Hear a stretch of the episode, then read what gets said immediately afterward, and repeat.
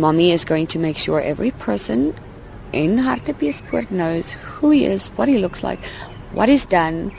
You will not be the one in hiding.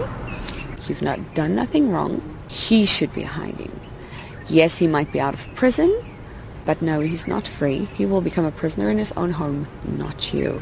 Dit was die ma van 'n 10 jaar oue dogtertjie wat glo deur 'n man verkragt en seksueel aangerand is vir so wat 2 jaar sedert sy 5 jaar oud was. Die man is haar ma se halfbroer. Die kind het die middel van die jaar vir haar ma vertel wat gebeur het. I didn't even think about him as my brother in that moment because she's my responsibility.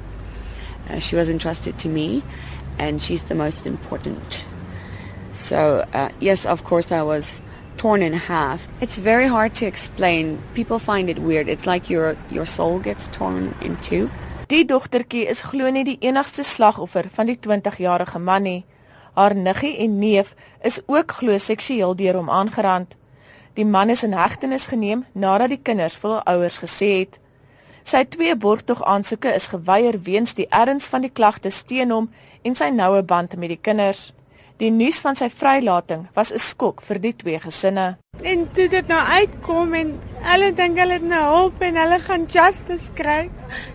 Toe meld sy sy haar boetie om met hy voel hy het gefaal. I have no idea what the reason is. He's been set free because nobody will tell us anything. We could not even get a protection order. Oh, unless he actually attacks the children. He's done that already. Mediese en sielkundige verslae bevestig dat die kinders seksueel mishandel is. Beide die ma's voel die gereg het hulle en hul kinders in die steek gelaat toe die man sonder rede vrygelaat is nadat hy slegs 4 maande verhoor afwagtend was. Die stelsel het ons verseker in die steek gelaat. En nie vir my of vir my suster nie, maar wel hierdie drie klein kindjies.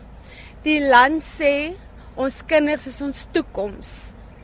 Maar as die die land nie is die kinders kan beskerm wat ons toekoms is nie, wat is ons toekoms regtig in die land? Proof is right there. When I phoned uh, the investigating detective, I asked him what the I won't say the word I said. I said, "What's going on and why didn't you let us know he is out of jail?" Uh, I said, "What is the problem?" Well, the first thing he said to me is, "I don't sit on my ass all day doing nothing. You're not my only case."